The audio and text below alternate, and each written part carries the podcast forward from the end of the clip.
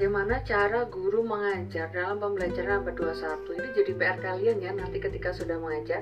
Dan juga PR saya sekarang pada saat saya sudah menjalani profesi sebagai seorang guru. Jadi kalau mau dinamakan sebagai seorang pengajar di abad 21 maka sistem pengajarannya itu memenuhi lima aspek berikut. Yang pertama adalah tentunya dari segi kontennya, maka karena bahasa Indonesia itu genrenya genre teks ya, sehingga teks-teks bahasaan yang kita berikan kepada siswa itu haruslah yang aktual, current, yang sesuai dengan situasi saat ini.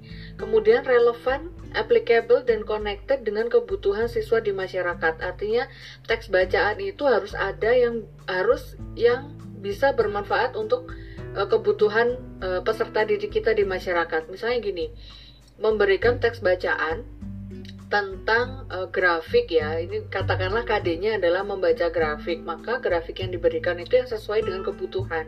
Misalnya apa? Uh, angka partisipasi uh, siswa di Indonesia dalam literasi membaca, misalnya seperti itu. Jadi persentase literasi membaca siswa di Indonesia. Nah, itu manfaatnya untuk apa sih? Manfaatnya adalah ketika mengajar, ketika tahu bahwa dari grafik tersebut ternyata literasi e, membaca siswa kita itu tergolong rendah, maka biasakan siswa itu sebelum masuk ke kelas itu membaca terlebih dahulu. Nah, maksudnya seperti itu ya, dan contoh-contoh yang lainnya lagi. Kemudian yang kedua communication. Communication itu maksudnya ini ada beberapa indikator comprehensible itu artinya bisa dimengerti, kemudian developmental, komprehensif itu luas dan global. Artinya begini, pengetahuan yang diperoleh siswa selama mengikuti pembelajaran itu hendaknya bisa mengembangkan pengetahuan metakognisi mereka. Artinya, hal-hal yang dia pelajari selama dalam situasi pembelajaran ya itu e, gunanya adalah untuk di, bermanfaat bagi masyarakat, untuk dikomunikasikan ke masyarakat. Maka pembelajaran itu dalam konteks pembelajaran abad 21 itu settingnya itu bukan e, pembelajaran bukan di setting untuk e, setting sekolah, tetapi untuk setting di masyarakat. Artinya konteksnya, kemudian e, metodenya itu haruslah e, dipilih yang sesuai dengan kebutuhan siswa kita pada saat siswa kita nanti itu sudah terjun di masyarakat. Jadi misalnya kalau dilihat dari segi konten tadi sudah ya, pilihlah bahan-bahan bacaan yang memang ada manfaatnya untuk bisa diaplikasikan oleh siswa kita di masyarakat.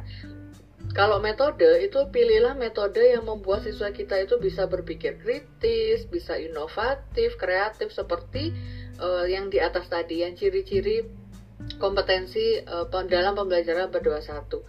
Jadi pilihlah metode pembelajaran uh, problem based learning itu supaya siswa terbiasa untuk berpikir kritis, kreatif, inovatif dan memecahkan masalah.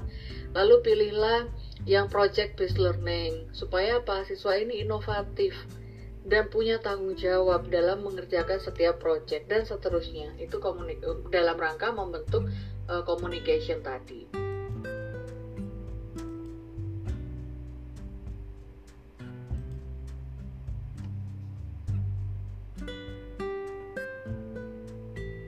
Ya, eh, lanjutan dari video sebelumnya. Jadi yang ketiga adalah ciptakan learning. Jadi situasi pembelajaran itu yang membuat siswa itu bisa aktif, kolaboratif, kemudian fokus kepada 4C. Kalau saya kok malah 6C ya jadi 6C itu uh, pilihlah, uh, settinglah situasi pembelajaran itu yang bisa membuat siswa itu kreatif, critical thinking, kolaboratif, citizenship, karakter, dan communication. Jadi 6C. Kemudian personalized. Jadi mereka itu bisa mengembangkan potensi dirinya secara mandiri Nah, itu kalau dilihat dari segi setting pembelajarannya. Kalau dilihat dari segi assessmentnya, maka berikanlah assessment itu yang sifatnya informatif. Artinya, yang berdasarkan rubrik. Jadi ketika siswa itu habis diberikan assessment, hasil assessmentnya itu diberikan kepada siswa, siswa itu bisa membaca sampai di mana sih penguasaan dia terhadap suatu proses pembelajaran. Jadi dengan detail-detail deskripsi penguasaan kompetensi tertentu. Kemudian sumatif, sumatif itu berikanlah assessment setelah siswa itu menempuh keseluruhan materi pembelajaran yang sudah diajarkan. Kemudian align, align itu artinya e, dihubungkan ya, harus berhubungan apa apa yang diujikan itu berhubungan dengan uh, konteks kebutuhan masyarakat di masyarakat dan variat variat itu artinya jenis-jenis assessmentnya jangan hanya tes. Kalau di pembelajaran 421 jadi bisa juga non tes karena variasi tadi. Jadi jangan jangan hanya menilai siswa itu dari satu tes saja tes tulis lagi.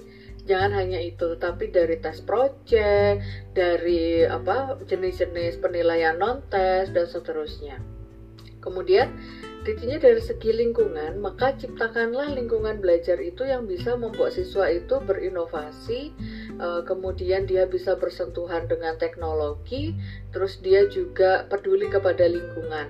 Gitu. Nah, sekarang aja anak SMP ya, yang saya tahu ini guru-gurunya tuh sudah mulai mengajarkan mereka dengan yang namanya project based learning. Jadi mereka tuh diminta untuk membuat uh, satu observasi yang sesuai dengan jenjang mereka uh, misalnya apa sih cita-citamu gitu ya. Kemudian kalau mereka menyebutkan menjadi youtuber misalnya.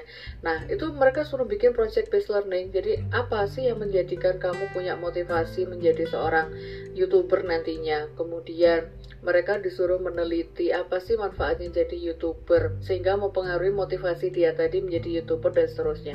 Ya kemudian hasil akhirnya dia tuliskan dalam bentuk uh, publikasi berupa karya ilmiah atau berupa buku tentang biografinya si anak yang menjadi youtuber itu tadi kemudian dipresentasikan di sekolah. Jadi seperti itu.